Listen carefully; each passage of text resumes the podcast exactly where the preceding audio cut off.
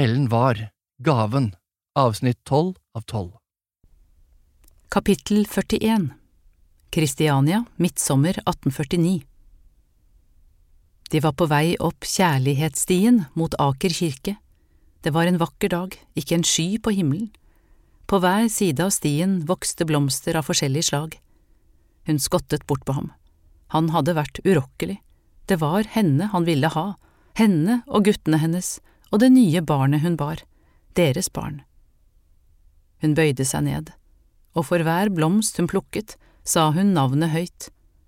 Blåknapp, ryllik, prestekrage, rødkløver, regnfann, blåklokke, hundekjeks, forglemmegei, engsoleie, marikåpe og rød jonsokkblom. Det er flere enn sju sorter, sa Kristen og beundret buketten hennes. Skulle det vært sju sorter? Anne så ertende opp på ham. Moren min sa at hvis en jente plukket sju forskjellige sorter og hadde dem under hodeputen midtsommernatta, så ville hun drømme om den hun skulle gifte seg med. Jeg vet hvem jeg skal gifte meg med, lo hun, derfor har jeg plukket så mange slag jeg bare vil, alle blomster kan få plass i min bukett. Hun holdt den inntil den nye kjolen, den var blå. Christian og Anders løp foran, de hadde fått nye bukser og skjorter, og nye sko begge to. Hun tok Kristens hånd, tenkte på den gangen hun helte flytende bly i de hvite koppene til Berit, og han var der. Den gangen hadde hun så vidt våget å skotte bort på den unge mureren som satt der med armene trygt foldet om den syke jenta. En fremmed som hadde gitt henne ro, som nå skulle bli ektemannen hennes. Dette er den beste dagen i livet mitt, ropte Christian ned mot dem. Kom opp hit, se på utsikten! Dagen var så klar at de kunne se utover hele byen og helt ned til Akersneset. Kristen åpnet porten inn til Aker kirke, og Anders smatt først inn. Porten sto inni en steinramme som var murt opp med en spiss som vendte like opp mot himmelen. Dette hadde du også klart å mure, sa Christian og slo ut med armene både denne og hele kirken. Ikke spiret, da, lo Kristen og pekte opp mot himmelen, for det er lagd av tre. Jo da, sa Christian, det hadde du også klart. Anne smilte. Døra inn til kirken sto åpen. Sola kom inn gjennom de små vinduene øverst oppe i kirkerommet, danset mykt bortover steinveggen og fulgte dem helt fram til en av de forreste benkene hvor brudeparet skulle sitte. Vitnene var allerede på plass. To gråsteinsmurere, venner av Kristen. Christian og Anders satte seg stolt ved siden av dem, slik de var bedt om. Anne kjente Kristens hånd langs med siden, fingrene som varsomt berørte hennes. Her inne våget ingen av dem riktig å se på hverandre. Ikke før presten kalte dem fram til alteret, så hun på ham. Ansiktet hans var alvorlig. Da de hadde gått på Brannfjellet hånd i hånd etter han var kommet tilbake fra Drammen, hadde han også vært alvorlig. Han hadde spurt henne hvordan hun ville ha livet sitt. Jeg vil bruke gaven min, hadde hun svart. Så hadde hun fortalt ham om kallet hun alltid hadde følt, og at det var noe som ventet på henne i Kristiania, uten at hun hadde visst hva, men at det var dette skjebnekallet som hadde fått henne til å våge reisen. Plutselig kvapp hun det knirket i kirkedøra, det ble uro langs benkeradene. Noen hostet, andre kremtet høyt. Hun hørte folk vende seg om. Presten stoppet å tale. Det var dødsen stille i det store kirkerommet. Det eneste hun hørte var noen høye hæler som ga gjenlyd i steinveggene. Hun måtte snu seg, og der, på den aller bakerste benken, fant Hanna, Guro og Åse plass. Hanna blunket til henne idet hun satte seg. Anne skjulte et smil og vendte seg tilbake og lukket øynene. En dag vil du finne kjærligheten, akkurat som jeg har gjort, og da vil du oppdage at skjebnen din forandrer seg til et kall. Hun hadde forsøkt å mane fram kjærligheten på trappa til Elseby på Benerud, men det hadde vært umulig. Kjærligheten hadde ikke villet vise seg for henne, men nå husket hun noe hadde endret seg inni henne. Hun hadde fjernet seg fra trappa hun satt på, stedet hun bodde på, og reist til et annet sted, et sted langt fra Vardal, et øde sted med en plass som Benerud, mellom høye bjerketrær, omsluttet av en stor grønn slette, der var kjærligheten. Hun hadde ikke sett den, men hun hadde følt den, at det var noen der som støttet henne i den oppgaven hun hadde fått, ikke fordi hun måtte, men fordi hun ville det slik. Så tenkte hun på alle kvinnene hjemme i Vardal, som hadde gjort henne til den kvinnen hun var blitt, hun som nå sto foran Kristen. Karens temperament og kampvilje hadde nok påvirket henne mer enn hun hadde villet innrømme, men også morens følsomme sinn.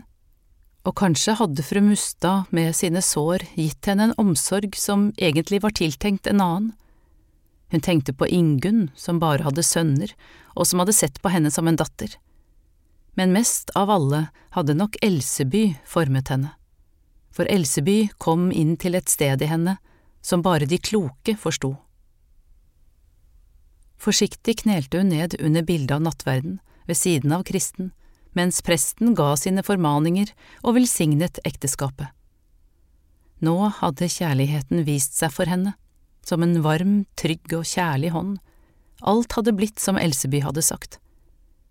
Så var det plutselig noe som vekket henne opp tok henne vekk fra alt det som skjedde rundt henne. Fra presten og kristen, fra gråsteinsmurerne og guttene hennes, fra de tre venninnene på bakerste rad, en bølge, en smerte, en sommerfuglvinge. Kapittel 42 Ekeberglien, mai 1850 Fuglene sang fra tretoppene. Anne lå på knærne og ryddet i den gamle urtehagen, plantet grønnmynte, krypfredløs og nattlys. Kristen hadde vært borte i flere dager nå. Hun hadde ikke villet si noe til guttene, og hun visste heller ikke hvor lang tid det kunne ta. Men akkurat som hun alltid hadde visst det i god tid før faren kom hjem fra skogen, visste hun også alltid når Kristen var på vei hjem. Det var som om han hadde en følgeånd, og i dag kunne hun føle den. Hun klappet hendene på jorda og så seg fornøyd med arbeidet hun hadde gjort. Hun savnet ham. Hver morgen pleide hun å se etter ham mens han sto bøyd og vendte jordstykket på flaten bak stua, de brede skuldrene som rørte seg i takt med spaden, den friske, solsvidde huden og det glatte håret som var bleket hvitt av sola. Hun lyttet etter plystringen hans og tenkte at det kanskje var lykken som var hans signatur. Han smilte alltid når han gikk over dørstokken etter dagens arbeid, løftet Christian og Anders opp etter tur, selv om guttene var altfor store til å bli løftet. Så gikk han bort til henne, tok henne om livet og kysset henne, og spurte etter minstegutten. Det var ennå tidlig på morgenen, hun hadde våknet før morgengry, guttene sov nok fremdeles, alle tre. Hun reiste seg for å gå inn og se til dem, i det samme skimtet hun en skikkelse som beveget seg sakte over sletta. Det var en ung kvinne. På hofta bar hun et lite barn. Hun ble stående et øyeblikk, som om hun hadde ventet på henne. Så børstet hun av seg jorda på hendene og gikk henne i møte.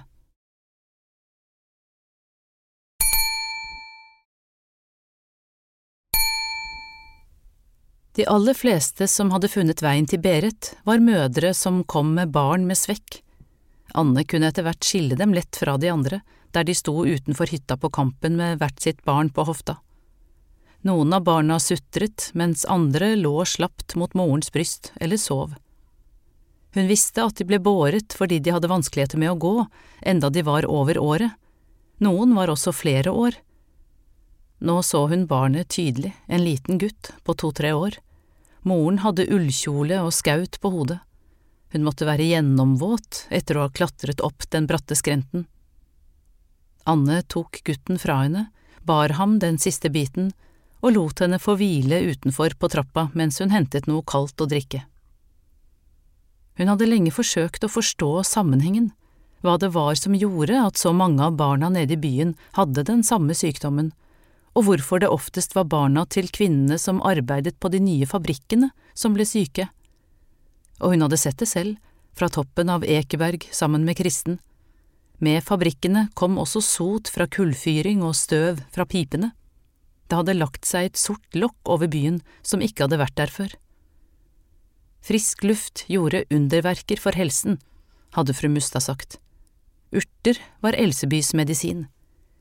Disse barna fikk verken frisk luft eller noen helbredende urter. De var inne hele vinteren. Ikke hadde de varme nok klær eller sko til å være ute i, og om de hadde det, var de likevel med mødrene på arbeid hele dagen. Der lå de og sov under en symaskin eller et vaskevannsfat mens mødrene jobbet, slik hennes to eldste hadde gjort så mange ganger.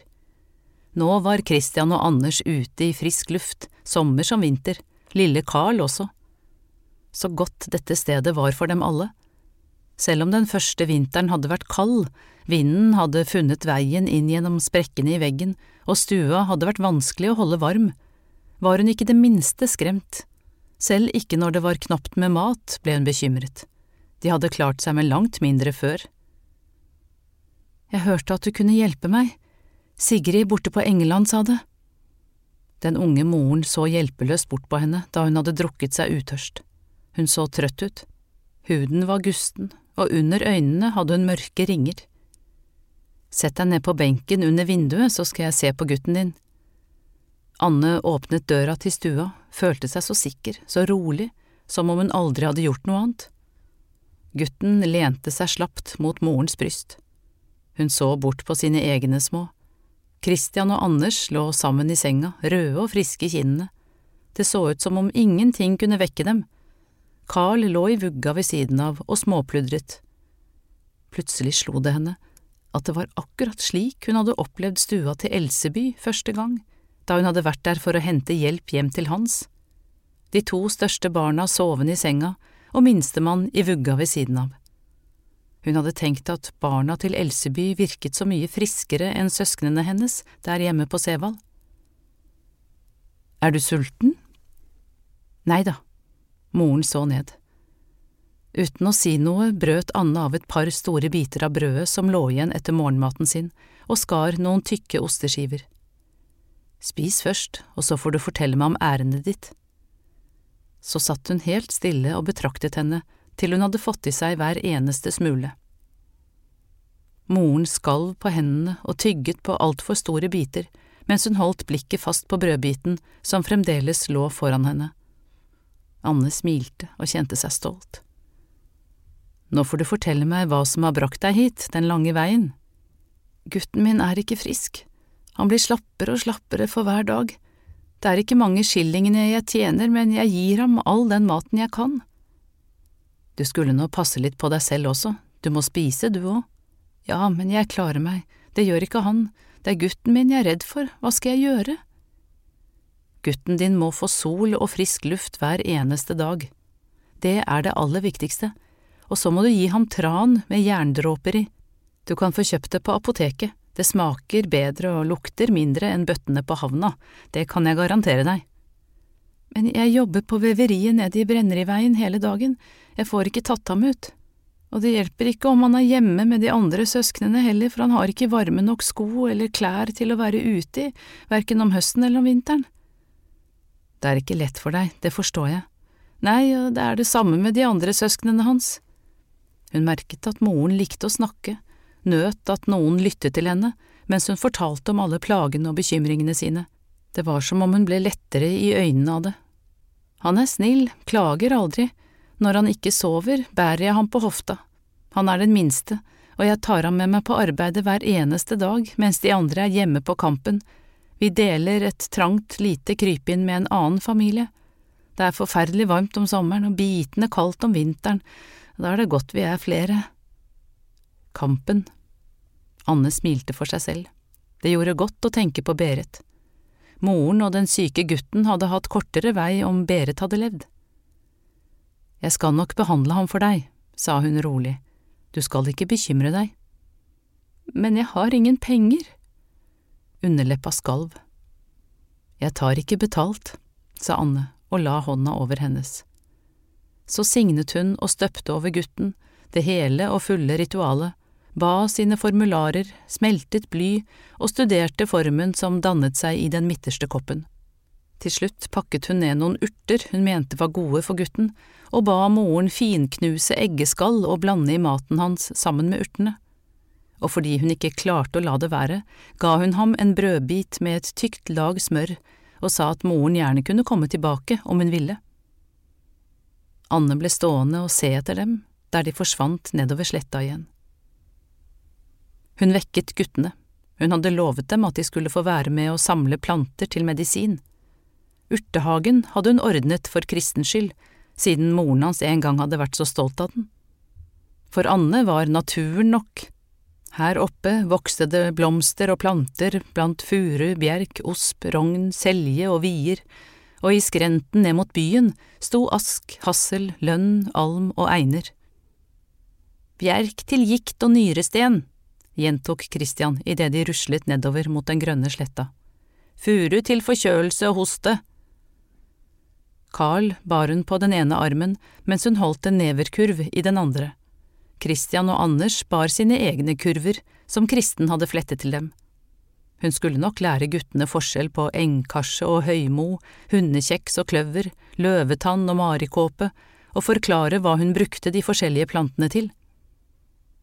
Det var midt på dagen, og sola spredde varme stråler over sletta. Sola var selve kilden for alt levende, det var den som fikk alt til å spire og gro. Og var det slik for plantene, så var det vel det samme for menneskene også. De passerte en einebusk full av modne bær. Hun stanset. Einer kan du bruke til nesten alt, sa hun og la sjalet sitt under. Magesmerter, håravfall og forkjølelse, gikt og lungesykdommer. Så ristet hun i grenene så bærene falt ned. Plutselig oppdaget hun en flokk kyr ikke langt fra der de sto Barbente jenter og gutter drev dem fram, over til en plass nederst på sletta hvor hun visste at de skulle slaktes og selges. Se! ropte Christian og Anders i kor og pekte på sjalet. Det blir helt fullt! Det var visst bare hun som så på kyrne. Anne knyttet tøystykket sammen. Anders og Christian bar det mellom seg. Elseby hadde en gang sagt at de blå bærene var hellige, hun hadde selv sett at de var merket med et kors. Lenge før hun ble kjent med Elseby, hadde hun sett tegnene i naturen. Evnen til å se var hennes gave. Men det var Elseby som hadde gitt de klokes hemmelighet videre til henne, så hun kunne forstå tegnene. Da de nærmet seg Ekeberglien, satte guttene farten opp og løp foran henne den siste biten hjem, så de blå bærene spratt ut av sjalet. De gamle buksene til Christian var kuttet av like over knærne, han strakk seg og ble høy. Som han lignet Herman. Gule krøller falt mykt nedover nakken. Lillegutten på armen lignet Kristen, det var det ingen tvil om. Han var kraftigere enn Christian, håret var glatt og hvitt, og øynene lyse og blå. Det var nok bare Anders som lignet på henne. Hun smilte stolt av dem, alle tre. Like utenfor på trappa var det beste stedet å tørke bærene. Der sto sola og stekte fra morgen til kveld. Guttene ble sittende og vokte dem. Ingen duft var som tørkede einebær, de duftet som skogen hjemme i Vardal, som kjøkkenet på Mustad, som jul på Sevald. Anne tok med noen tørre bær inn på kjøkkenet for å knuse dem i en morter. Sola kom inn gjennom vinduet og blendet henne. Hun vendte seg om og ropte på guttene at de måtte komme inn med flere tørre bær til henne. Anders kom løpende inn. Han var blå på hendene og rundt munnen. Hun løftet ham opp på benken og kysset de runde kinnene. Så helte hun bærene opp i morteren og skulle til å be ham om å hjelpe henne, da noe fikk henne til å løfte blikket. Kristen kom gående på stien over sletta. Hun skygget for øynene med hånda for å se bedre. Han var ikke alene. Hun myste.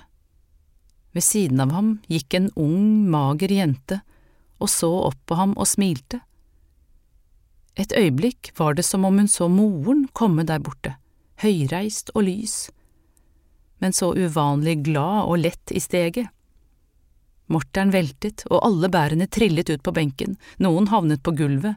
Ni år hadde det gått siden hun lovet å hente henne, og nå hadde Kristen gjort det for henne hentet Kirstine hjem. Det var natt på Ekeberglien. Anne satt bøyd over den sorte boka under et stearinlys. tenk at hun hadde vært så redd for den. Sidene var gulnet og løsnet i kanten. Hvert frø som sås ved fullmåne, spirer raskere, vokser fortere og gir mer grønt. Edle og helbredende urter som blir sanket inn eller tatt opp med rot ved nymåne, er fulle av saft og kraft. Åkermåne helbreder hoste når den blandes med honning og tas som drikk. Groblad heler sår, kvann beskytter mot besvergelser, safran på konjakk mot gulsott, salvie på vin renser menneskets indre. Hun reiste seg, åpnet døra på gløtt og listet seg ut. Månen lyste langt der oppe over stua hvor hele familien hennes sov. Den var i ned. Noe gammelt var ved å avsluttes, noe nytt skulle begynne. Hun gikk ned av trappa, barbent, forbi de høye bjerketrærne og nedover mot den store sletta. En søt duft av dragehoder lokket henne videre. Det var som moren til Kristen en gang hadde sagt, det gode kunne seire over det onde. Hun følte en dyp tilfredshet og glede mens hun gikk gjennom det duggvåte gresset. I morgen skulle hun ta med seg Kirstine og guttene ned i skrenten og plukke kongslys. Bladene var ennå unge, og blomsterstilken hadde nok ikke rukket å strekke seg, så var de fulle av kraft. Hun strøk den ene hånda over det høye gresset, over kamilleblomster og strå. Så lukket hun øynene og tenkte på Elseby på den aller første gangen hun hadde møtt henne. Hun hadde vært nede ved bekken og vasket klær for fru Musta sammen med moren og storesøsteren. Hun var ti år, og hun hadde snublet i en rot på stien tilbake.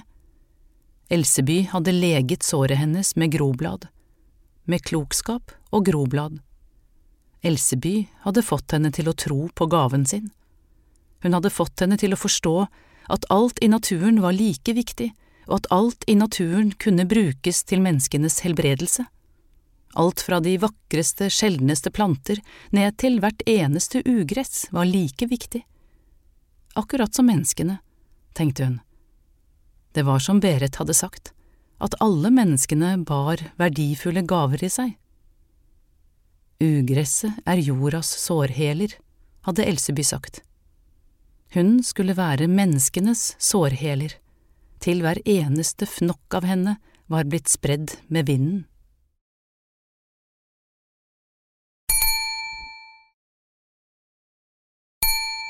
Etterord Min tipptippoldemor Anne Brandfjell ble Norges mest kjente kloke kone og fikk tilnavnet Signekonenes dronning. Fra hun kom til Ekeberlien som 34-åring og til hun døde 90 år gammel i gamlebyen, ble hun oppsøkt av folk med alt fra gikt til hudsykdommer, bleksott, eksem, døvhet og kjertelsykdom, en form for tuberkulose. Hun hadde en sjelden evne til å stille riktig diagnose og helbrede sykdom. Dette gjorde hun på grunnlag av klarsynte iakttagelser, sunt folkevett, og ved å la pasientene selv fortelle sine historier. Hennes behandlingsmetoder var en blanding av folkelige, fornuftige råd blandet med håndspåleggelse og magiske ritualer som måling med ulltråd, signing og støping i bly.